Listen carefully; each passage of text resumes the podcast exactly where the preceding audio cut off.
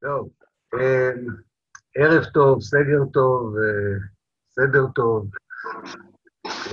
תקופה מוזרה שוב, אה, אבל נשתדל אולי אה, להתעסק בצרות של אחרים, שהן גם קצת צרות שלנו. אחת הארצות המרתקות במזרח התיכון, שכנתנו הצפונית.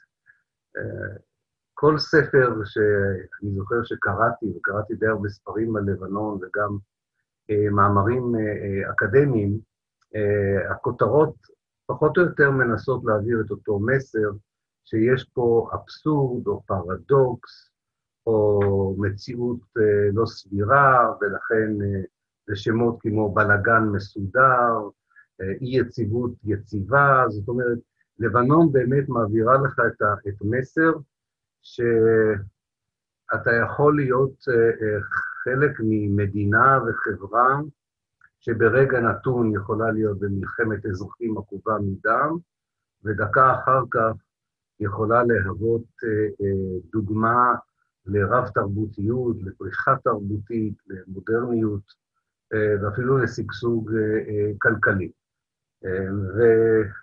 ואני חושב שזה נכון היה לשנים הראשונות של קיום המדינה הזו, מ-1943, וגם אה, נכון לגבי אה, היום. כפי שהסברתי בהרצאות הקודמות, אני אה, רוצה להתמקד בנושא אחד בתוך ההיסטוריה של לבנון, כמו שהתמקדנו בבעץ בהיסטוריה של סוריה ועיראק, ובג'מאל עבד אל-נאצר בהיסטוריה של מצרים. במקרה של לבנון, הנושא אולי החשוב ביותר, לא היחידי, אבל החשוב ביותר והמעניין ביותר, הוא מה שנקרא בעברית עדתיות, או באנגלית סקטריאניזם, המילה סקט, המילה אה, עדה. אה, אם אי פעם יצא לכם, ואני מקווה שיצא לכם, להשתתף בכנס עם חוקרים מלבנון, או אפילו אקטיביסטים מלבנון, ואתם אה, תפתחו ותגידו, אנחנו יודעים שהבעיה המרכזית בלבנון היא הבעיה הדתית, ותשתמשו במילה האנגלית סקטריאניזם, תראו שמיד מתחיל ויכוח בין הלבנונים על המושג הזה. אה, המושג נחשב בעיני הלבנונים, ולא רק בעיני הלבנונים, נדמה לי שלא מעט חוקרים היום מסכימים איתם, שאם אתה טוען שבלבנון יש סקטריאניזם, זאת אומרת בעיה של עדתיות, אתה מתכוון לזה באופן שלילי. אתה מתכוון שמדובר בחברה שמפוצלת לשבטים, שכל הזמן נאבקים זה בזה, לא ולא רק באמצעים לא אלימים, אלא גם באמצעות אה, אה, אה, צבאות פרטיים, ולכן בעצם מחסלים את הסיכוי של לבנון להיות מדינה מודרנית ונורמלית. והם השתדלו, אלה שמתנגדים לשימוש במונח הזה, יבואו ויגידו שלבנון לא תמיד נגועה בסקטריאניזם, בעדתיות, לרוב יש שם רב הדתיות, שזה לא אותו דבר. זאת אומרת, יש עדות וכיתות דתיות ואתניות שונות, אבל הן לא אה, עוסקות באופן אורגני וטבעי במאבק זה עם זה, אה, אלא אה, מדובר פה על זהות קולקטיבית שאינה פוגעת בלבנון, אלא דווקא תורמת ללבנון. ואז בעצם השאלה העיקרית, וזו גם השאלה שאנחנו ננסה לענות עליה הערב, מתי העדה הופכת לעדתית? כן? בעברית זה נשמע פחות טוב, תאמינו לי, באנגלית זה נשמע יותר טוב, ובערבית זה בכלל נשמע מושלם, אבל ההרצאה הזו היא בעברית. אבל זה מתי העדה הופכת לעדתית? זאת אומרת, מתי העדה אינה מסתפקת בשימור הזהות הקולקטיבית שלה, בחיים של חיה ותן לחיות עם עדות אחרות, אלא רואה בזהות הזו כלי כדי להילחם בעצם בקבוצות אחרות, על אה, אה, העוגה התקציבית או העוגה המדינית, או על עמדות כוח בתוך המרחב הזה שנקרא לבנון. אה, בגדול, אני אבוא ואומר כך, מצד אחד, יש את התפיסה האוריינטליסטית המערבית, שעד היום אפשר לשמוע אותה ממומחים אמריקאים וישראלים בעיקר, שהסיבה שברוב הזמן העדה היא עדתית, זאת אומרת, היא עוסקת בביסוס כוחה על חשבון עדות אחרות, או תוך כדי מאבק לרוב אלים עם עדות אחרות. הסיבה שזה קורה בלבנון נעוצה בתרבות הערבית, בהיסטוריה הערבית, אה, במקום הגיאוגרפי שבו לבנון, הגיאוגרפי התרבותי שבו לבנון נמצאת. הגישה הביקורתית למושג הזה, כן, אה, אה, טוענת שבסך הכל העדה יודעת לתפקד כשומרת או כגוף ששומר על הזהות הקולקטיבית, אלא אם כן יש מעורבות מבחוץ, שגורמת לה להפוך לקבוצה פוליטית, ואולי אפילו לקבוצה צבאית, שבאמת מערערת את היציבות בלבנון. זאת אומרת, האשמה מוטלת לרוב על גורמים חיצוניים שמשתמשים אה, במין יחסי אה, פטרון וקליינט, כן? אה, אה, כדי לקדם אינטרסים שלהם, של הקבוצות, של המעצמות או הגורמים החיצוניים, ואם הם מצליחים, הם באמת גורמים לעדה לתפקד כגורם אה, שלילי, כגורם שמביא לאי-יציבות ולאי-ביטחון ולמלחמות אזרחים, ואולי אפילו למפולת בלבנון. זה לא אחד מהמקרים, אגב, שאפשר להגיד בקלות, אז האמת היא באמצע, למרות שזה תמיד משפט נכון כנראה, שהאמת היא באמצע, אבל אה, יש פה בהחלט אה, אה, אה, שאלה חשובה שלא קל לענות עליה, באמת לא קל לענות עליה. אה, מה שאנחנו נעשה, כי השיעורים האלה הם שיעורים היסטוריים, הם לא שיעורים פוליטיים, וזה לא מדע המדינה וזה לא אה, אנתרופולוגיה, אנחנו מנסים לבדוק וזה רק אחת הדרכים לבדוק, אנחנו מנסים לבדוק שאלות כאלה בצורה היסטורית, ואנחנו נראה היסטורית מתי העדה הופכת לעדתית בלבנון, ואם נוכל נצביע על הגורם העיקרי, זה אף פעם לא הגורם הבלעדי, אגב, אין היסטוריה כזה דבר גורם בלעדי, תמיד גורם עיקרי וגורמים משניים, ננסה להצביע על הגורמים העיקריים לעדתיות הזאת.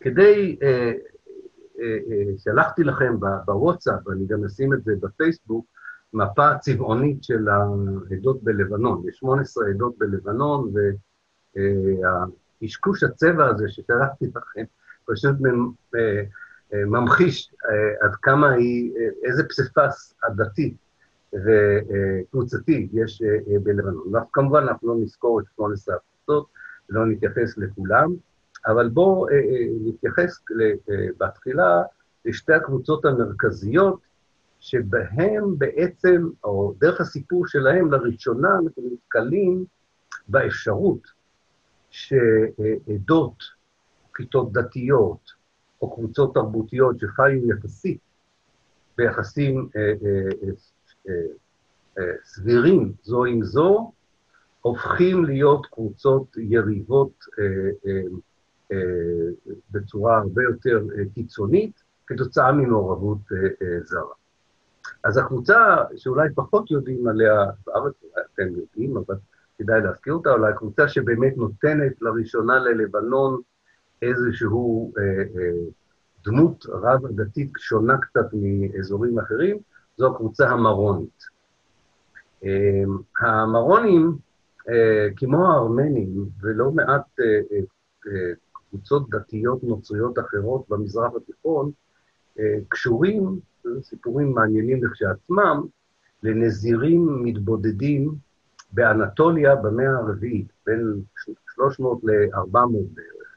זו תקופה מאוד מעניינת. מישהו מכם שהיה בטורקיה, יכול להיות שאפילו לקחו אותו לסיור, אה, לראות את המערות שבהן נזירים אה, התבודדו, גם כמובן בארץ אפשר לראות את זה בוואדי קלט ובמקומות אה, שכאלה.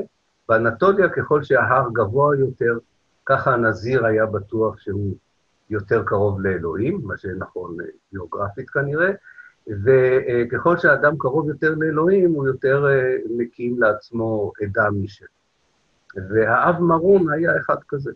ראה את עצמו לא סתם כנזיר מתבודד, אלא כממשיכו של המשיח.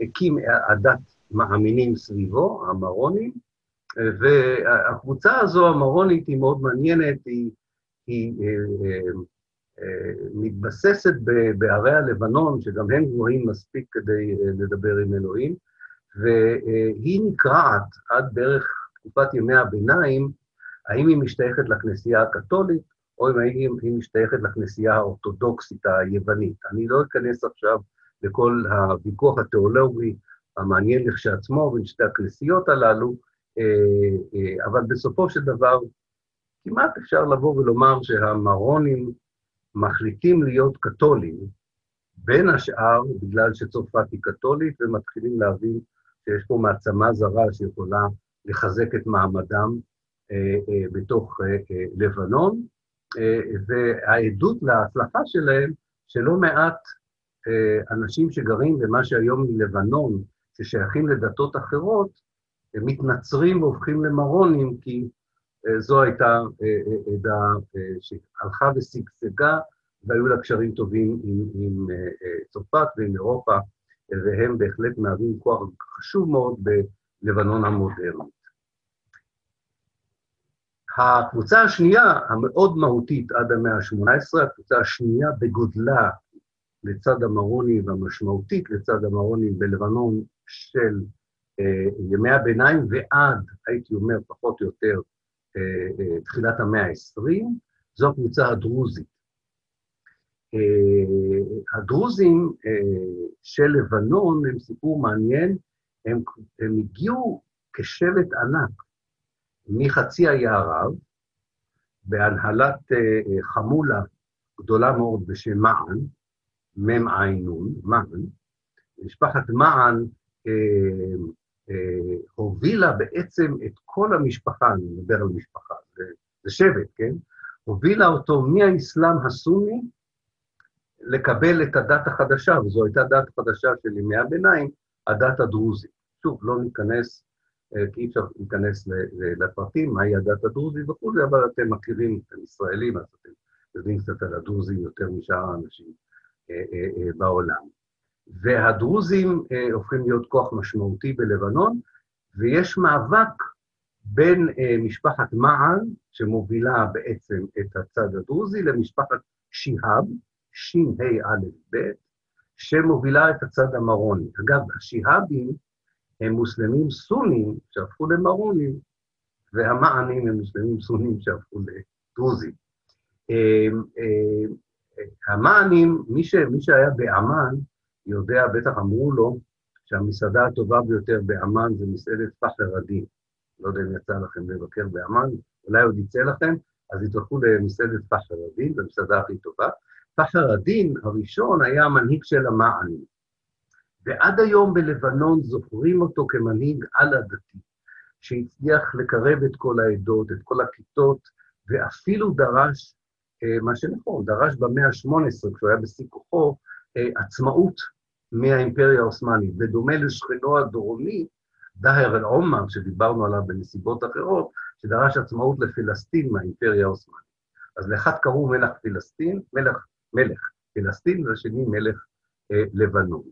אמ, כאשר המענים נופלים, עולים השיהאבים, המרונים, במאה שאחרי זה, אה, אה, או לקראת סוף המאה ה-19, או במהלך המאה ה-19, אה, וגם הם מנסים לחזק את המעמד האוטונומי של לבנון.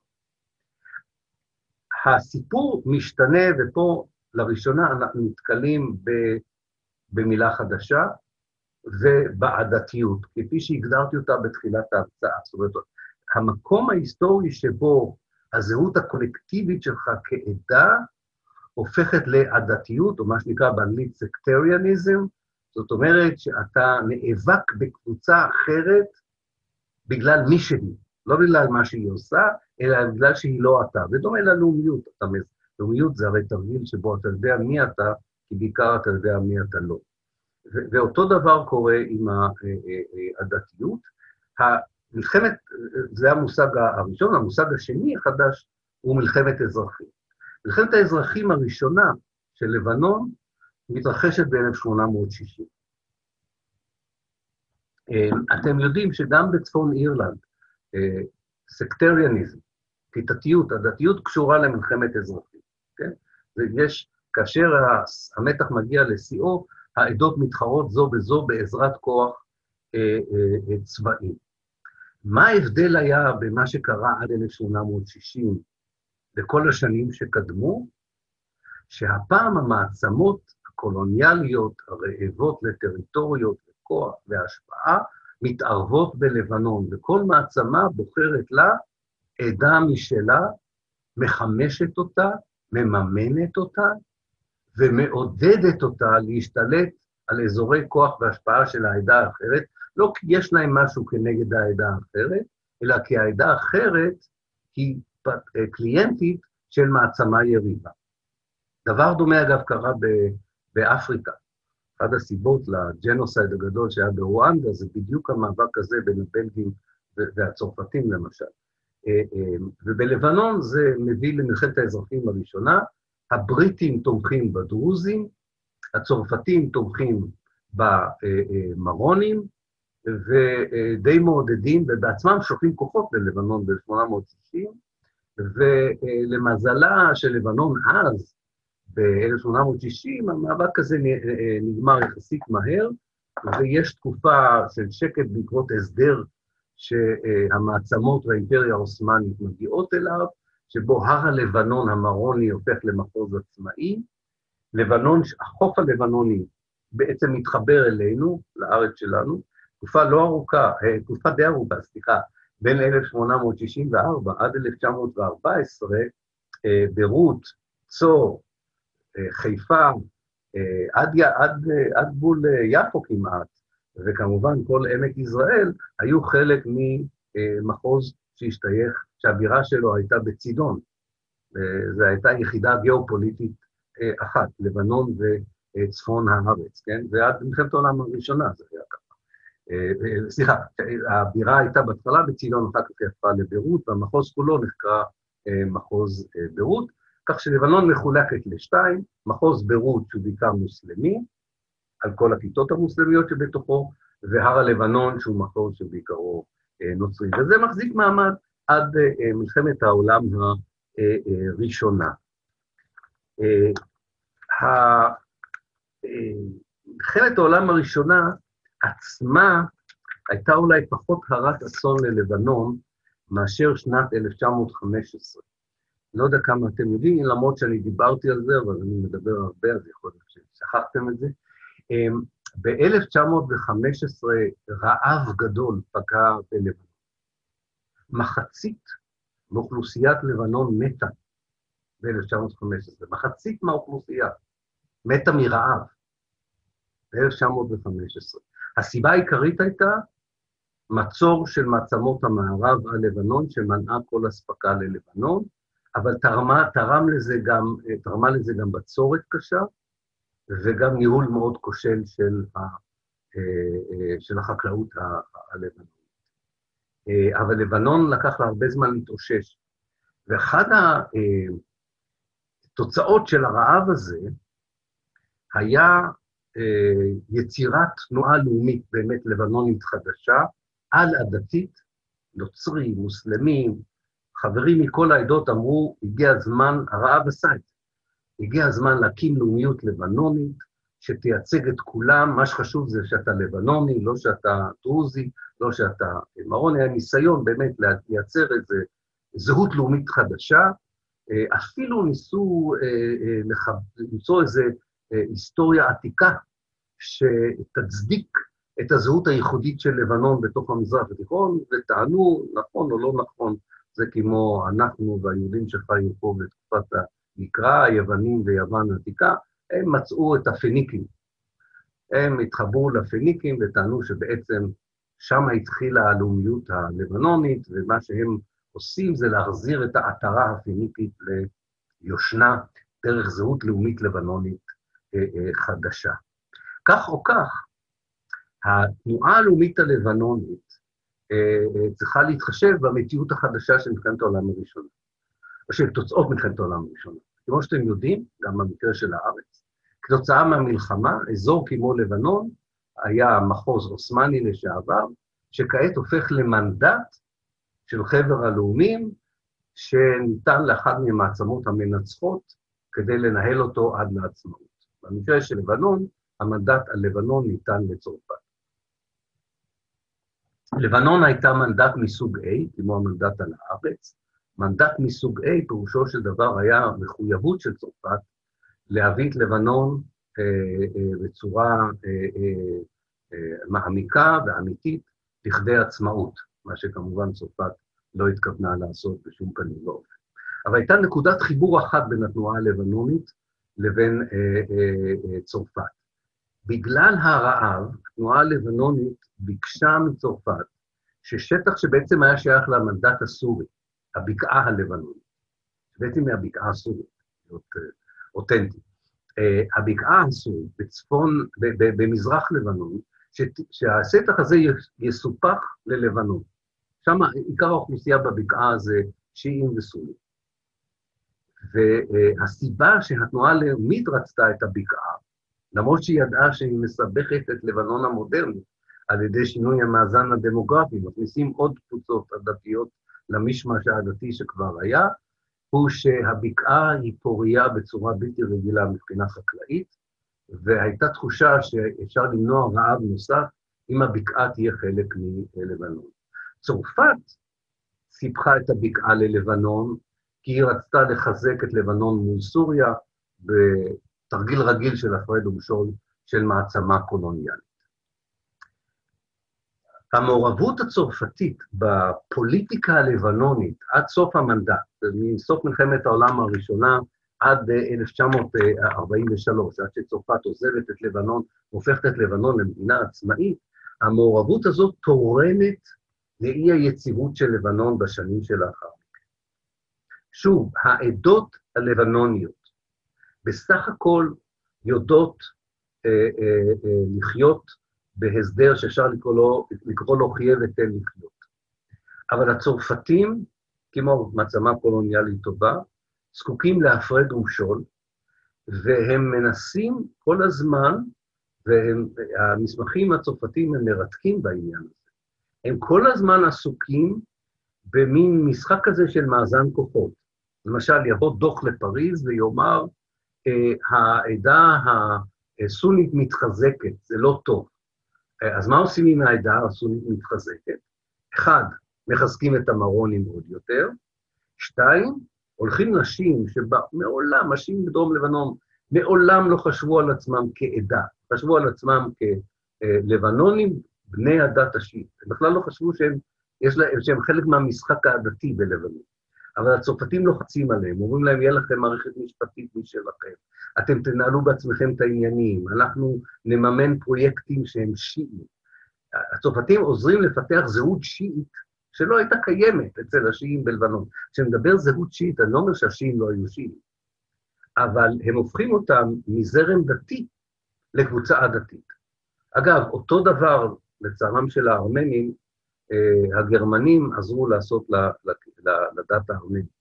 לא שזה מצדיק את, מה, את הג'נוסייד הטורקי, שלא תתפסו אותי פה במשהו, אה, אבל אין ספק שההפיכה של הארמנים מזרם דתי לקבוצה לאומית אל מול אימפריה לאומנית, זה היה עיתוי היסטורי מאוד לא אה, מוצלח. שוב, לחלוטין לא מצדיק את התגובה הטורקית, זה ברור, אני חושב, לא צריך להגיד את זה. בכל מקרה, בואו נחזור ללבנון, אגב שיש בה גם ארמנים, אמ, אה, והשיעים הופכים לעדה כחלק ממדיניות ההפרד ומשול הצרפתית. הצרפתים עושים עוד דבר, הם לוחצים על המרונים, שהם עדיין הקבוצה החזקה, לחבר חוקה, שבסופו של דבר תהפוך להיות החוקה הלבנונית, כדי להבטיח שהעוצמה המרונית בלבנון תישמר, גם אם המאזנים הדמוגרפיים בלבנון ישתנו בעתיד. וכך הצרפתים אה, מוכרים לתנועה הלאומית, זו גם אחריותה, התנועה הלאומית הלאומית מוכנה לאמץ את המודל הפוליטי, את המודל הפוליטי הצרפתי. אתם יודעים את ההבדל בין המודל הצרפתי למודל הבריטי, שאנחנו, יש לנו אותו בארץ. טוב, עכשיו אין לנו שום מודל בארץ, אבל המודל שהיה אמור להיות המודל בארץ. אה, המודל הצרפתי הוא המודל הנשיאותי, כן? הנשיא הוא בעל עוצמה חזקה ביותר בתוך המערכת הפוליטית, ראש הממשלה הוא בסך הכל עושה דברו, כן? הצרפתים והתנועה הלבנונית מנסחים חוקה שהופכת את לבנון לרפובליקה על הצרפת, על המודל הצרפתי, אבל הם מוסיפים עוד סעיף, הם אומרים, החלוקה של משרות הכוח, שרובם בידיים מרוניות, תישאר כך, על פי החוקה, גם אם המאזן הדמוגרפי ישתנה. והמאזן הדמוגרפי בלבנון כל הזמן משתנה. וככל שהמאזן הדמוגרפי משתנה והחוקה ומערך העוצמה בלבנון לא מתאימים למאזן הדמוגרפי, יש מרירות בקרב אותן קבוצות שלא זוכות לאותו חלק בשלטון שיש למרונים, וזה לכשעצמו גם כן סיבה לאי-יציבות ומרירות. הצרפתים נאלצים לעזוב ב-1943. אתם יודעים שב-43 דה גול מקבל חלק מהמושבות והקולוניות והמנדטים הצרפתים מממשלת וישי, ששיתפה פעולה עם הנאצים. דה גול רוצה להשאיר את לבנון כקולוניה צרפתית, אבל לחץ בינלאומי עליו ומאבק מוצלח של התנועה הלאומית הלבנונית גורם לכך שהוא מוכן בלית ברירה להכריז על לבנון כמדינה עצמאית ב-1943. לבנון העצמאית בין 1943 עד 1958 זה שוב לבנון של שגשוג כלכלי, שגשוג תרבותי, שבה, הייתי אומר, העדות חוזרות להיות עדות ולא עדתיות. וזה מיד משפיע על uh, כל ההיבטים של החיים במדינה הלבנונית. אבל ב-58' שוב נכנסים גורמים זרים והופכים את העדות לעדתיות. הפעם זה לא המעצמות הקולוניאליות, צרפת ובריטניה, הפעם לבנון הופכת להיות זירה של מלחמה שהחוקר המנוח מלקום קר קרא לה המלחמה הקרה במזרח התיכון. זו לא הייתה מלחמה בין ברית המועצות לארצות הברית, זו הייתה מלחמה בין נאצר ומשטרים מהפכנים ערבים לבין ארצות הברית ובעלות בריתה. ולבנון הייתה אחת הזירות.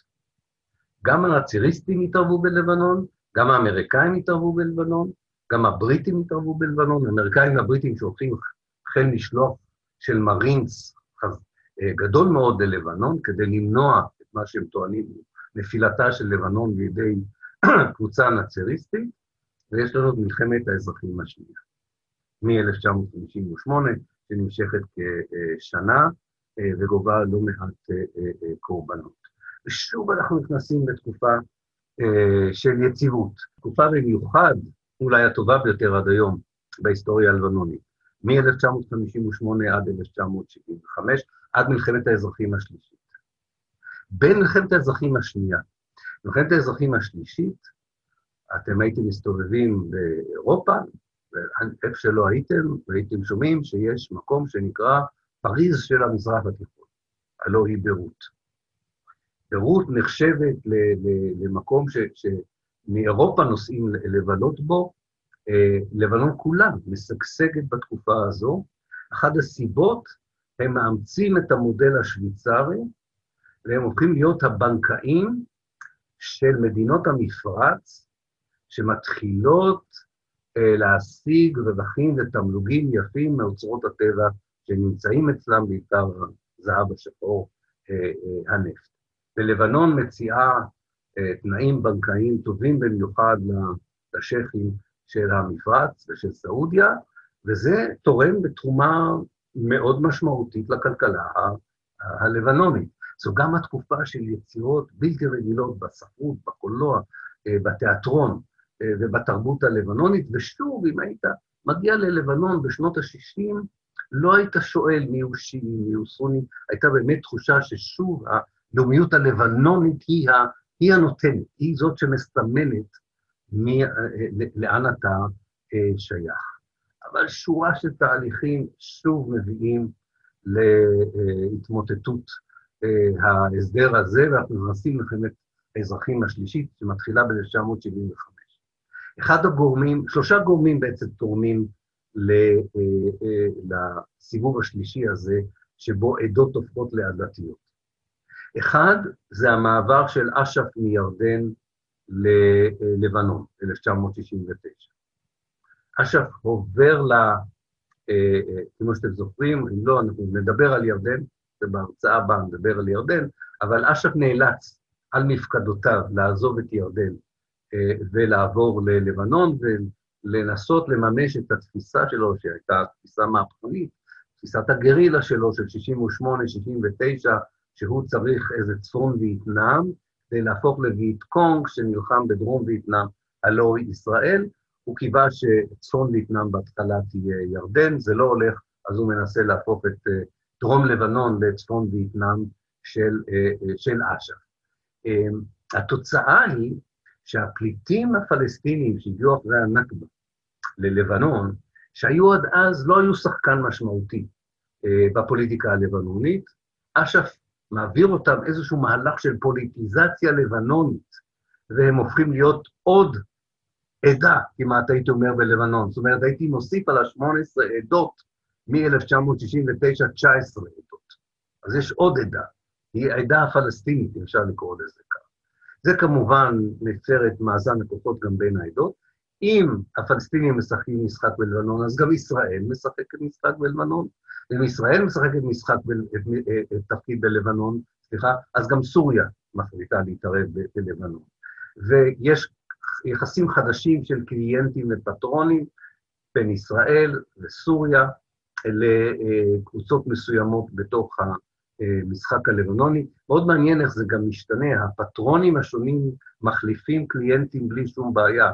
סוריה בהתחלה תמכה במרונים, אחר כך עברה לתמוך בסונים. ישראל התחילה עם השיעים בלבנון, כי היא ראתה בהם את הקליינט העיקרי, ואז היא זנחה אותם לטובת המרונים. הכל זה שיקולים כאלה טקטיים, של, בלי הרבה מחשבה אגב, בלי הרבה ניתוח, של בריתות מאוד מאוד אד הוק, שלדעתך יכולות לשרת אותך טוב ביותר בתוך הזירה הלבנונית. לגבי הלבנונים עצמם, זה מתפרץ במלחמת אזרחים ב-1975, שממשיכה עד 1988, 13 שנה, של מלחמה קשה מאוד, עשרות אלפים לבנונים מאבדים את חייהם, מאות אלפים את בתיהם, אפשר לדבר על הפצועים, זה גם מביא להגירה, בעיקר של נוצרים, אבל לא רק של נוצרים, של כוח רציני מאוד במדינה, איך קוראים לזה, בריחת מוחות, אפשר לקרוא לזה, מלבנון, שזקוקה להם מאוד, אל חוץ לארץ, ואתם יכולים למצוא את הלבנונים האלה בתפקידי מפתח בכלכלה הפרטית ובכלכלה הלאומית של הרבה הרבה מדינות, וזה אנשים שמאוד חסרים אה, ללבנון. אה, אה, היום. אחרי כל הצרות, בכל זאת, אה, אה, יש הצלחה, אולי הצלחה בודדת של הליגה הערבית במאה ה-20. הליגה הערבית מצליחה להתעשת באיזשהו מקום ומתערבת בלבנון ומשיגה הסכם שנחתם בעיר טייף, ט"א י"פ סופית, העיר טייף בערב הסעודית, זה הסכם טייף. הסכם טייף משנה לחלוטין את החוקה הלבנונית, מאזן אותה או מתאים אותה למציאות הדמוגרפית החדשה, פחות כוח לנשיא, יותר כוח לעדות שלא היו שותפות במשחק הכלכלי והפוליטי, אבל זה במידה מסוימת זה תורם ליציבות פוליטית. הסכם טייב גם קובע שכל הצבאות הפרטיים שהוקמו במהלך מלחמת האזרחים יפורקו מנשקם, כמעט כולם מצייתים לסעיף הזה בהסכם, חוץ מקבוצה אחת, החיזבאללה, שטוענת שהיא לא יכולה לממש, עד היום היא טוענת את זה, שהיא לא יכולה לממש את הסעיף הזה בהסכם טאיף, משום שהיא ממלאת את התפקיד שהצבא הירדן, הלבנוני היה צריך להג... למלא, להגן על דרום לבנון מפני התוקפנות הישראלית. צריך לזכור שב-78' במבצע ליטני, ישראל כבר כובשת את דרום לבנון עד נהר הליטני. וזה נותן הצדקה לחיזבאללה לבוא ולהגיד, תראו, הצבא הלבנוני לא יכול למנוע ישראל לכבוש את לבנון. אנחנו היחידים הם כמובן מתעלמים מהעובדה שבאותה עת גם הצבא הסורי כובש חלקים גדולים אה, אה, מלבנון, אה, וזו מציאות הזויה לגמרי. יש לך שני צבאות זרים שכבשו את הארץ, חיים, חיי תרבות מאוד מאוד משגשגים בביירות ובערים לבנוניות אחרות, מצד אחד זה המקום הפתוח ביותר אה, לזכויות נשים, לזכויות אפילו להט"בים והכול, מצד שני זה זירת קרב אה, של אה, צבאות כובשים מבחוץ, אבל איכשהו זה מחזיק מעמד, הייתי אומר, עד, עד אולי 2004, 2005, 2006. האישיות המרכזית, יכול להיות שההסבר לכך שלמרות המציאות הבלתי אפשרית הזאת, של כיבוש זר ושל חיזבאללה חמוש, ומעורבות גם איראנית, זאת אומרת, יש שחקן חדש שמתחיל להיות מעורב בלבנון, האיראנים, כן? יכול להיות שמי שאחראי לזה שאיכשהו זה לא ממוטט את המדינה, ועדיין רוב האזרחים יכולים לשגשג בתוך המציאות הזאת, זה אדם בשם רפיק חרירי. רפיק חרירי אה, נבחר להיות ראש ממשלת לבנון ב-1992, ורפיק חרירי קודם כל הופך את ראש הממשלה לאדם הרבה יותר חשוב מהנשיא. הוא מנצל את החוקה החדשה, לבנון היא כבר לא רפובליקה כמו בצרפת, היא הרבה יותר מזכירה את אה, בריטניה, ומדינות שבהן ראש הממשלה הוא האיש החזק, שזה דבר טוב בסך הכל, כי זה מאפשר להעביר אה, סמכויות לשרים ולהפוך את הממשלה לגוף קצת יותר משמעותי בחיים של לבנון. רפיק חרירי הוא איש עסקים, הוא ממנה ממשלה שהיא לגמרי ממשלת מומחים, הוא, הוא מתעלם מהמפתח העדתי, הוא מקים ממשלת מומחים, הוא משקם את לבנון מהריסותיה, אין, אין ספק בזה, הוא משקם את לבנון מהריסותיה, הוא לא מצליח להתגבר על כל הבעיות הכלכליות של אה, לבנון, היא הייתה בגירעון תקציבי שהתמשך, והיה עדיין בעיות חברתיות, כלכליות, אבל בסך הכל צריך לומר שעד לרגע שבו הוא נרצח ב-2004, עד לרגע שבו הוא נרצח, אה, התקופה של 88' עד 2004 דומה לתקופה של בין 58 ל-75. עוד איזשהו פרק שבסך הכל מראה שאפשר לקיים מדינה כל כך רב-עדתית כמדינה רב-תרבותית. זאת אומרת שהמונח הוא חיובי, שהיחסים מפרים אחד את השני, יש הרבה פרחים בשדה וזה טוב, זה לאו דווקא אה, אה, אה, מתכון להרס וחורבן. אה, מי רצח אותו? אנחנו לא יודעים עד היום. אה, יש ועדה בינלאומית שצריכה כל, כל חודש, מבטיחה אה, לתת לנו את אה, גזר הדין. היא עדיין לא מעיזה. אחת הטענות היא שהם חשבו להאשים את החיזבאללה בזה, והחיזבאללה, אנחנו יודעים, מאיים שהוא ינקוט בצעדים מאוד חריפים, אם יאשימו את חסן נסראללה ברציחתו של רפיק חרירי. אחרים חושבים שזה שירות החשאי הסורי, לא מעט אנשים בלבנון מאמינים שישראל אחראית אה, אה, אה, לעניין הזה. כך או כך, זה לא כל כך משנה, סליחה, זה כן משנה, הייתי משפחת חרירי, זה בטח היה משנה לי, אבל אני מתכוון, בסך הכל מה שחשוב, שההיעלמות שלו מהנוף הפוליטי יצרה חלל שאף אחד לא הצליח למלא אותו. זה לא עזר ששנתיים אחרי זה במין מהלך שלדעתי אולי שני הצדדים לא כל כך רצו אותו, לא ממשלת אולמרט רצתה אותו ולא החיזבאללה רצה אותו, שני הצדדים נגררו למלחמת לבנון השנייה של 2006, אה, אה, שכמובן תרמה עוד פעם לאי-יציבות, למשבר כלכלי, למשבר אה, חברתי בלבנון. לבנון יצאה מזה, לבנון יצאה, הייתי אומר, מה... הצד ההרסני יותר של אה, אה, מלחמת לבנון השנייה, לא מעט בעזרה של אה, מדינות המפרץ, גם גילוי הגז הטבעי תרם לאיזושהי יציבות כלכלית מסוימת, הייתי אומר, ואז, זה הסיפור הלבנוני, נכון? אתה קורא דוחות על לבנון ב-2011, והם מאוד אופטימיים, הם מאוד ורודים לגבי היכולת של לבנון לחזור עוד פעם לרב-תרבותיות ולצאת מהסקטריאניזם, מהדתיות. ואז יש את מלחמת האזרחים בסוריה, 2012. מיליון סורים הופכים לפליטים, אה, סליחה, יותר ממיליון סורים הפכו לפליטים. מיליון פליטים סורים מגיעים ללבנון. ללבנון יש פחות משלושה מיליון תושבים. מיליון פליטים מגיעים. עכשיו, לזכותם של הלבנונים, שאין להם דימוי מאוד חיובי בעולם הערבי, לזכותם של הלבנונים צריך לבוא ולהגיד שברמה של העיריות, ברמה של המשפחות, ברמה של הקהילות הקטנות, הם מקבלים מאוד יפה את הפליטים הלבנים, הסורים. מאוד מאוד יפה, בהתחשב במצבם ובהתחשב בעובדה שזה ברור שהכניסה הזו של עוד מיליון, רובם אנשים, רובם אה, סו, אה, מוסלמים סונים, אבל לא רק, שוב משנה את המאזן הדמוגרפי. אה, וזה תורם ליציבות נוספת, למרות שצריך לומר,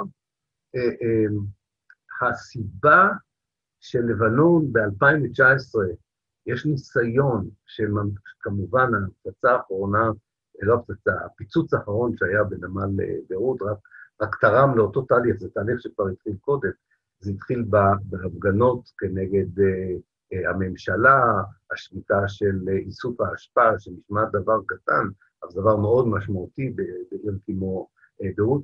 כל התהליכים האלה ביעברו בשטח uh, uh, עוד לפני 2012, אבל התחזקו אחרי 2012. ומהו התהליך הזה? ובזה אני אחתור לסיכום, וגם נדבר רגע על העתיד מהבחינה הזאת. מה שקרה בלבנון, כמו בכל העולם הערבי, חברות הן צעירות מאוד. החברה הערבית היא צעירה. אחוז הצעירים הוא גדול. והצעירים האלה עוברים תהליכי חינוך ותהליכי חברות מאוד מאוד שונים מהדור שקדם להם. הם בינלאומיים, אפילו אם הם לא עוזבים את, ה, את הבית שלהם בכפר. הם בינלאומיים, בגלל האינטרנט. הם לגמרי הם מודעים לעולם הרבה יותר מההורים שלהם. הם דוברים הרבה יותר שפות מההורים שלהם. הם אה, אה, מפתחים תפיסות עולם הרבה יותר אוניברסליות והרבה פחות עדתיות מההורים שלהם.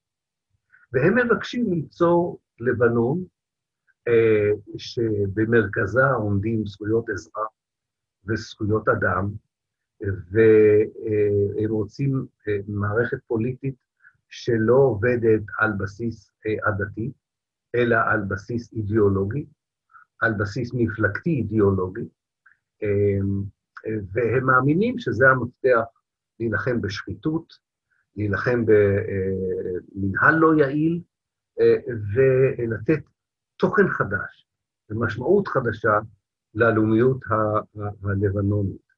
אחד הביטויים המעניינים של המחאה שלהם שהתחיל עוד אה, לפני אה, אה, אפילו המשבר עם סוריה, זה הביטוי אולי הקיצוני ביותר, הייתי אומר, לעמדה הפוליטית הזו, זה הדרישה לנישואים אזרחיים. עכשיו, לא רק דרישה לנישואים אזרחיים, אלא התחת... חתונות אזרחיות. עייף, אני לא זוכר את המילה, יש מילה כזו בעברית, התחתנות, לא יודע. החתונות האזרחיות. יש יותר חתונות אזרחיות בלבנון, אגב, מאשר בישראל, הרבה יותר. איפה הם מתחתנים? הם פוגשים את הישראלים באותו מקום, קפריסין. אה, עכשיו צריך להבין מה זה, מתי, מתי קורית חתונה אזרחית בלבנון, כאשר קודם כל אתה מתחתן עם מישהי או מישהו לא מהעדה שלך, אז אתה צריך חתונה אזרחית. ב', אם אתה לא רוצה שהטקס יהיה דתי. אבל ראו זה פלא, בשנה האחרונה אפשר להתחתן, נישואים אזרחיים, גם בתוך לבנון עצמה, זו חדשה. עכשיו, זה מספרים לא משמעותיים ביחס לשאר האוכלוסייה, אבל זה חלק קטן ממאבק הרבה יותר גדול לבניית לבנון אחרת. הצעירים האלה, ובזה אני אסיים, יש להם בעיה מאוד דומה לכל הצעירים שניסו לה, אה, אה, להביא את האביב הערבי, כבר דיברתי על זה, אז אני אגיד את זה ממש בקצרה. אין שם ארגון, אין שם מבנה, אין שם מפלגות, אין שם תנועה חברתית ממוסדת. קשה מאוד בלי הכלים האלה להפוך את הרעיונות הטובים ביותר למציאות חדשה. אה, יש מודעות בלבנון, הייתי אומר, יותר מאשר במצרים, למשל, שזה משהו שחסר, שרוצים לעבוד עליו. אני אה, אה, חושב שזה יהיה מאוד מאוד מעניין, אה, ואני אסיים במשהו שקראתי היום בעיתונות הלבנונית, לכבודכם, עברתי על מאמרי המערכת בעיתונות הלבנונית, והנושא, אחד הנושאים המרכזיים זה לא תודה, אדון מקרון. תחושה שמה שנראה בהתחלה נדיבות בלתי רגילה של צרפת לעזור ל, ללבנון אחרי הפיצוץ בנמל, זה ניסיון, שוב, של מישהו מבחוץ, להתערב בפוליטיקה הפנימית הלבנונית, שמוביל תמיד להפוך את העדות לעדתיות, שמוביל בסופו של דבר למלחמת אה, אזרחים. לא מאמינים, רוב הלבנון, לא מאמינים שצרפת באה עם סדר יום אלטרואיסטי אמיתי, של פשוט אה, לבוא ולהגיד, אתם יודעים, עברתם משבר כזה גדול בגלל פיצוץ בנמל, אה, אנחנו רק רוצים לעזור, אין לנו, איך אומרים באנגלית? No, no strings attached. אין לנו שום אה, אה, אה, סדר יום פוליטי. עכשיו, זה מראה את, ה, את המודעות הזו, שאתה גם צריך להיאבק כדי לבנות לבנון חדשה, אבל אתה גם צריך להיות מודע לזה שכל הזמן יש גורמים חיצוניים שיפריעו לך לא פחות מהמציאות הפנימית, שמקשה מאוד על יצירת מדינה שבה, שהיא יעילה, שהיא לטובת תושביה ולטובת uh, אזרחיה. אז אולי אני אעצור פה, uh, ראיתי שכבר יש uh, עשר שיחות, וניקח את, ה, את השאלות וננהל את השיחה בינינו. אז אני אתחיל מלמעלה. ארז, חשוב לדעתי כן לתת את המושגים בערבית לפחות, בסדר, זה אולי אני אעשה אחר כך, אם אני עוד אזכור אותם. אה, תאיפיה זה המילה בערבית, זה פשוט, פשוט קשה לתרגם עדתיות, אה, זה תאיפיה, אבל אה, אולי נדבר על זה. ארז גם אומר, צריך לציין את המפקד הצרפתי שאחראי על חלוקת השלטון, או שהיום זה כבר פחות רלוונטי. המפקד הצרפתי, אתה מתכוון, ארז, נכון? לא המפקד. המפקד הצרפתי. יש גם דוגמאות בגליל ההררית וכדומה. כן, אני חושב שזה עדיין רלוונטי במובן הזה שההפרד ומשול הצרפתי הזה, הוא לא עומד בחלל ריק. זאת אומרת, יש פה גם אחריות של מישהו מוכן להיות הקליינט, לא רק הפטרון, כן? במובן הזה, אבל אין ספק שה... אולי דוגמה טובה לזה זה המפקדים הבריטים בארץ. בארץ, וככה הבריטים הצליחו למשל לרמות את עצמם הרבה זמן, שאין שום בעיה בהצהרת בלפור ובהבטחת המנדט. מה הם אמרו? אין פה תנועה לאומית יהודית ותנועה לאומית פלסטינית. הנה, אם יש שתי תנועות לאומיות, אז אנחנו בבעיה. אין, יש נוצרים, מוסלמים ויהודים. זה שלוש עדות דתיות, אנחנו נסתדר איתן, כן? ובמובן הזה, זה, אולי לזה, גם זה קיים. דניאל, what is the, re the reason that there are so many Shiites in southern Lebanon and none in northern Palestine? Did the British and French take the demographic into account when they drew the border, or were the, the, the Palestinian Shiites in the past were disproportionately expelled during the Nakba? אז uh, הסיפור, באמת של המוטוואלים, כפי שהם נקראו, השיעים של דרום לבנון, הם היו במספרים גם די גדולים בגליל, בעמק החולה, על גבול לבנון, בתוך, בתוך ישראל. כן, הסיבה העיקרית, קודם כל, שהם אה, אה, לא נמצאים בארץ, זה גירוש, בפירוש גירוש ב-48. הסיבה שבמקור הם נמצאים אה, אה, בדרום לבנון, בעיקר באזור שנקרא ג'בל עמל, אה, אה, קשורה להתפתחות של השיעה, שכמו במקרה של המרונים, שמצאו את עצמם בהר לבנון, והדרוזים שמצאו את עצמם בהר שוף, ההיסטוריה המזרח-תיכונית קושרת בין הטופוגרפיה לכיתתיות הדתית. אם אתה פורש מהזרם האורתודוקסי המרכזי, אתה מאוד צריך להגן על עצמך בהתחלה. איך אתה הכי טוב מגן על עצמך? אתה הולך להר. אתה הולך להר, שם יש סיכוי שיניחו לך לנפשך אה, אה, יותר מאשר אם תהיה בבירה או במקום, ולכן זה מתקשר להיסטוריה השיעית בדרום לבנון. ארז, יש פסלים שלא, של מי ארז? אה, של המפקד הצרפתי, אז זה כן מפקד, לא? לא, של, של פחר א-דין. אה, של פחר א-דין, אוקיי, לא, כתבת שלא, אז כנראה, כתבת את זה מיד כשאמרתי את פחר א-דין, מאה אחוז. יש פסלים של פחר א-דין בהרבה קברים טוזים בגליל, עניין גיאוגרפי, הגליל מתחיל בישראל ועולה לגליטליה, אני מסכים איתך לחלוטין. אה, צריך לזכור, אה, אה, בכלל, זו הערה מאוד חשובה, ארז, ואני שמח שהעלית אותה. הדרך שבה העות'מאנים חילקו את האזור הזה של לבנון, סוריה, ארץ ישראל או פלסטין, הם חילקו את זה על פי מפתח עדתי סביר לחלוטין. והם ידעו איפה עדה גדולה נמצאת, ונתנו לה את, ה, את הכוח. בריטניה וצרפת, שיושבות כמה שעות לחלק, אה, לבנות מדינות לאום שלא היו קיימות, אה, אה, אין להם שום עניין, כמו שלא היה להם שום עניין באפריקה, בזהויות מקומיות. זה ממש לא מעניינות אותם זהויות מקומיות. הם, הם מסתכלים על משאבים טבעיים, הם מסתכלים על, או נלחמים קילומטר פה, קילומטר שם, על ידי ציור, דוחפים את העיפרון לפה, דוחפים את העיפרון לשם. זה חותך עדות, זה מייצר מישמש של עדות במקומות שזה לא היה קיים. חוץ מזה, זה לא מפתיע שמי שהיה קצת יותר ישר ומקצועי מבחינה, נגיד, במשרד החוץ הבריטי או משרד החוץ הצרפתי, חשב שהגליל נגמר בנהר הליטני באמת, שהאמין, בכלל האמין שסוריה הגדולה בסופו של דבר תהיה המבנה הפוליטי העיקרי פה באזור. זאת אומרת, יהיו זהויות מקומיות, אבל דמשק תהיה העיר המרכזית, ואנשים יעברו בקלות ממקום למקום, תהיה מין פדרציה רב, רב סורית, אם אפשר לקרוא לזה, זה היה נראה להם תמיד הכי הגיוני, אבל כמובן זה לא שירת את הרעיון של המעצמות הקולוניאליות שעסקו בהפרד ומשול משלהם. שאלה מ... או, דיון על.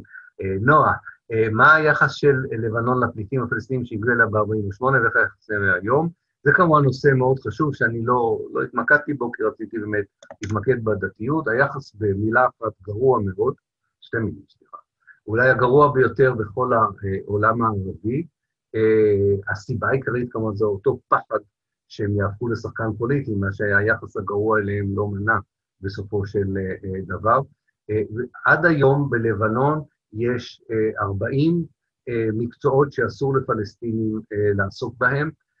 יש הגבלות מאוד חמורות על נישואים בין פלסטינים ללבנונים. פלסטינים, זה הכל פליטים, אני מדבר על פליטים, סליחה. פליטים פלסטינים לא יכולים לקנות קרקע ב- בלבנון או בית. מבקשים מהם להשתדל לא לבנות בנייה, בניית קבע במחנות הפליטים. באמת יחס משפיל וקשה. בסופו של דבר, היחס משתפר, הוא השתפר במיוחד אחרי שהחיזבאללה הפך להיות גורם משמעותי בממשלה הלבנונית האחרונה. חלק מהמקצועות שהיה אסור להם להשתתף בהם הוסרו מהרשימה השחורה, אם אפשר לקרוא לזה ככה. מצד, זה צד אחד של המטבע. הצד השני של המטבע, שמרצון או לא מרצון הם אפשרו לפתח להקים מדינה בתוך מדינה בדרום לבנון, מה שקיים את הזהות הלאומית הפלסטינית, השאירו אותה בחיים, אולי הם לא הצליחו לשחרר את פלסטין, אבל הם הצליחו לשמור על הזהות הלבנונית באמצעות המפקדות התרבותיות, הפוליטיות, הכלכליות שהיו להם בביירות וגם בדרום לבנון, כך שבסופו של דבר ההיסטוריה תצטרך להיות קצת מורכב, השיפוט ההיסטורי צריך להיות מורכב, שיסתכלו על, על הסיפור הלבנוני הפלסטיני, שכמובן עדיין, עדיין אה, לא אה, אה, אה, נגמר. אז היחס היום, נועה, הוא יותר טוב, אבל הוא עדיין אה, נחשב לאחד הגרועים ביותר בעולם הערבי.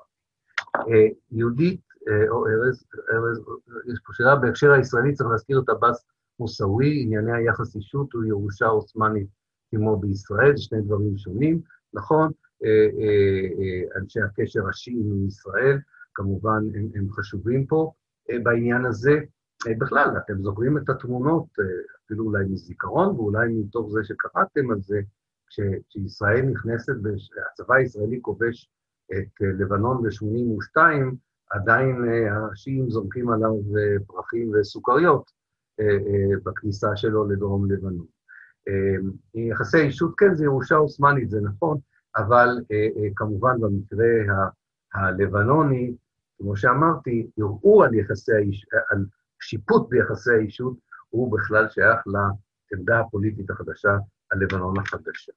יהודית, אתה יכול בבקשה להרחיב קצת על מלחמת לבנון הראשונה והשנייה, אם זו דעה רווחת בלבנון, ישראל אשמה במלחמת האזרחים, ואיזה חיבורים או לא אידיאולוגיים ופוליטיים יש בין חיזבאללה לתנועות הפלסטיניות. אז קודם כל, אף אחד בלבנון אומר שישראל אחראית בלעדית למלחמת האזרחים. יש האשמה מאוד חמורה כלפי סוריה בעניין ומ-2000 ומשהו גם כלפי איראן, לא, ישראל היא אחת מהגורמים החיצוניים שגורם לאי-יציבות בלבנון מתוך האינטרסים שלו. זה בעצם מה שקורה. אה, מלחמת לבנון הראשונה, אה, ממש בקצרה, אני לא אוכל, כמובן הכל שווה הרצאות אה, שלמות, השאלות פה. אז מלחמת לבנון הראשונה, בואו נאמר רק בקצרה, שהיא בעצם מלחמה שמדרדרת מתוך המאבק של הפת"ח בישראל מדרום לבנון, וניסיון כמובן, היה, היה, היה אפשר להגיע לאיזו הפסקת אש רחבה, אפילו שליטת נשק, אבל זה לא שירת לא את אריאל שרון, שחשב שאפשר להגיע ללבנון לחסל את אש"ף ולחסל את הבעיה הפלסטינית, זה גם הסורים חשבו שזו הזדמנות טובה להרחיב את השליטה שלהם בלבנון, והתוצאה הייתה עוד מלחמה שאפשר היה למנוע אותה, אבל כמובן בשני הצדדים יצאו ממנה חבולים למדי. אני חושב שמלחמת הלבנון השנייה הייתה עוד יותר טעות היסטורית, זאת אומרת, שם באמת החיזבאללה לא שיער בנפשו שהתגובה הישראלית תהיה אשר תהיה. וישראל הגיבה בצורה שלפחות חלק מהאישים שהחליטו על התגובה הזו, אני בטוח יצטערו אחר כך על התגובה שבה הם הגיבו. אבל זה, זה ממש בקצרה, ואני מתנצל מראש על הגרסה הקצרה. חיבורים אידיאולוגיים ופוליטיים בין החיזבאללה לתנועות הפלסטיניות, יש כמובן מפה פוליטית פלסטינית חדשה מאז 87' ו-88'. הפוליטיקה הפלסטינית מתחלקת לתנועות אסלאמיות פוליטיות ותנועות חילוניות. לכן לא, לא מפתיע לראות חיבור, קודם כל, בין חיזבאללה לתנועות האסלאמיות הפוליטיות הפלסטיניות, כמו החמאס והג'יהאד האסלאמי. והקשרים האלה הם מאוד חזקים. אתם זוכרים בוודאי את הסיפור, לא סיפור, זה, זה, זה נכון, זה נכון, וזו עובדה היסטורית. כאשר ממשלת רבין מחליטה לסלק 400 אנשי חמאס וזורקת אותם בדרום לבנון, ה-400 האנשים האלה, לא כולם, אבל חלק לא קטן מהם עובר אימונים והדרכה במחנות החיזבאללה, ושם לראשונה חמאס מאמץ את הרעיון שיכול להיות שנשק אפקטיבי כנגד ישראל יהיה נשק המתאבדים, הפצצות האנושיות. גם היום יש קשר כזה חזק.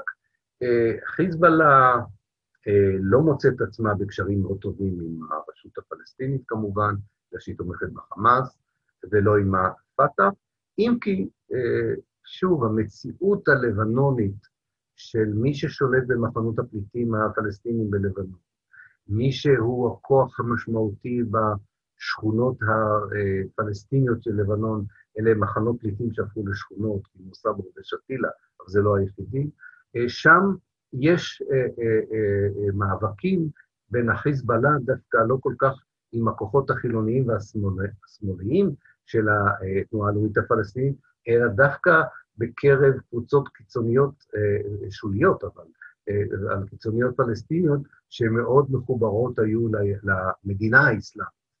אתם יודעים שהחיזבאללה והמדינה האסלאמית הם אויבי, אויבים בנפש, ונלחמו כמה קרבות מאוד מאוד קשים על אדמת סוריה, ולחיזבאללה יש נרטיב, חלקו נכון, והוא מעניין לכשעצמו, שהם בגופם, זה די נכון, שהם בגופם מנעו מהמדינה האסלאמית להיכנס לזה. ויש בזה משהו, יש בזה משהו. זה גם נותן להם כמה נקודות בלבנון, במקומות שהם מאבדים קצת את, ה, את, ה, את הנקודות.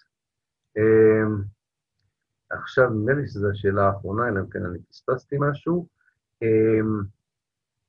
חשוב לציין את האחים המוסלמים כתנועה שמייצרת אסלאם אחר בעולם הערבי, אבל דיברנו על, על, על האחים המוסלמים, כמובן, תנועה מוסלמית סונית שקמה כבר ב-1929, ועברה הרבה גלגולים והרבה הסתעפויות. יש לה בהחלט השפעה על האסלאם הסוני בלבנון, זאת אומרת, יש בהחלט קבוצה, בוא נאמר ככה, בכל תקופה מהתקופות שתיארתי, העדה מתנהגת בצורה אחרת. בתקופות של מלחמת אזרחים, העדה הופכת למה שאני קראתי עדתית, ומתחמשת גם, ואז יש כל מיני שמות, אני לא אכנס אליהם, שהקבוצות האלה מקימות לעצמן צבא קטן, כמו הפלנגות של המרונים, ובתקופות שאין מלחמת אזרחים, שיש איזושהי יציבות אה, אה, פוליטית, אה, התנועות האלה הופכות להיות יותר תנועות תרבותיות, אידיאולוגיות שנאבקות עם הצד היותר חילוני. אבל עדיין חשוב לומר, זה דבר מאוד מאוד חשוב, לפי כל הסטטיסטיקות שיש לו. בדור הצעיר הלבנוני, שזה אחוז מאוד גדול מהאוכלוסייה הלבנונית, מספר האנשים, ולא משנה אם הם שיעים, סונים, מרונים, דרוזים, ואני לא אמנה את 14 העדות האחרות. האנשים הצעירים האלה, אם, אם תשאל אותם, האם אתם מגדירים את עצמכם כחילוניים, רובם יגידו כן. הם יגידו לך, אני סוני חילוני. אז באירופה יגידו לך, זה בלתי אפשרי, אז הם יגידו, אם אפשר להיות יהודי חילוני, אז אפשר להיות גם סוני. אה, וזו תשובה מאוד יפה, תמיד הלבנונים נותנים את התשובה הזאת, כשאומרים להם, אתה לא יכול להיות שיעי חילוני, אז אומרים, היהודים יכולים להיות חילונים, אז גם אנחנו יכולים להיות, ויש בזה משהו, יש בזה משהו, כי זה באמת, יש פה איזה סיפור מאוד מעניין, זה קצת דומה לדרך שבה היהודי החילוני נמצא על מנהג, כמו שאתם יודעים, על מנהג בין דתיות למסורתיות, לחילוניות מוחלטת. אותו דבר אה, אה, אה, בלבנון, זו תופעה מאוד מאוד מעניינת, היא לא נובעת, אגב, מאיזה אתאיזם, מאיזה התנגדות לדת. זה לא, בכלל לא שייך להתנגדות לדת, זה התנגדות לעדתיות. זה לבוא ולהגיד, יש לי מרכיב בזהות שיאפשר לי לבנות לבנון שבה הזהות הדתית שלי לא תשחק משחק פוליטי. כן? אמ, שוב, זמן, הזמן יגיד עד כמה אה, אה, הם יצליחו במה שהם קוראים מהפכת הארזים השקטה, אם יצליחו לקיים אותה או לא יצליחו לקיים אותה, אה, אבל בואו נראה באמת מה יהיה בעתיד. טוב, חברים, אלא אם כן יש עוד איזו שאלה, אז אנחנו נסיים הערב. אה, וניפגש עוד אה, שבועיים. תודה רבה. תודה רבה. תודה רבה, להתראות. שנה טובה, לילה טוב. שנה טובה לכולם, כן. שנה טובה. שנה טובה ותודה רבה. בכיף, להתראות. שלום.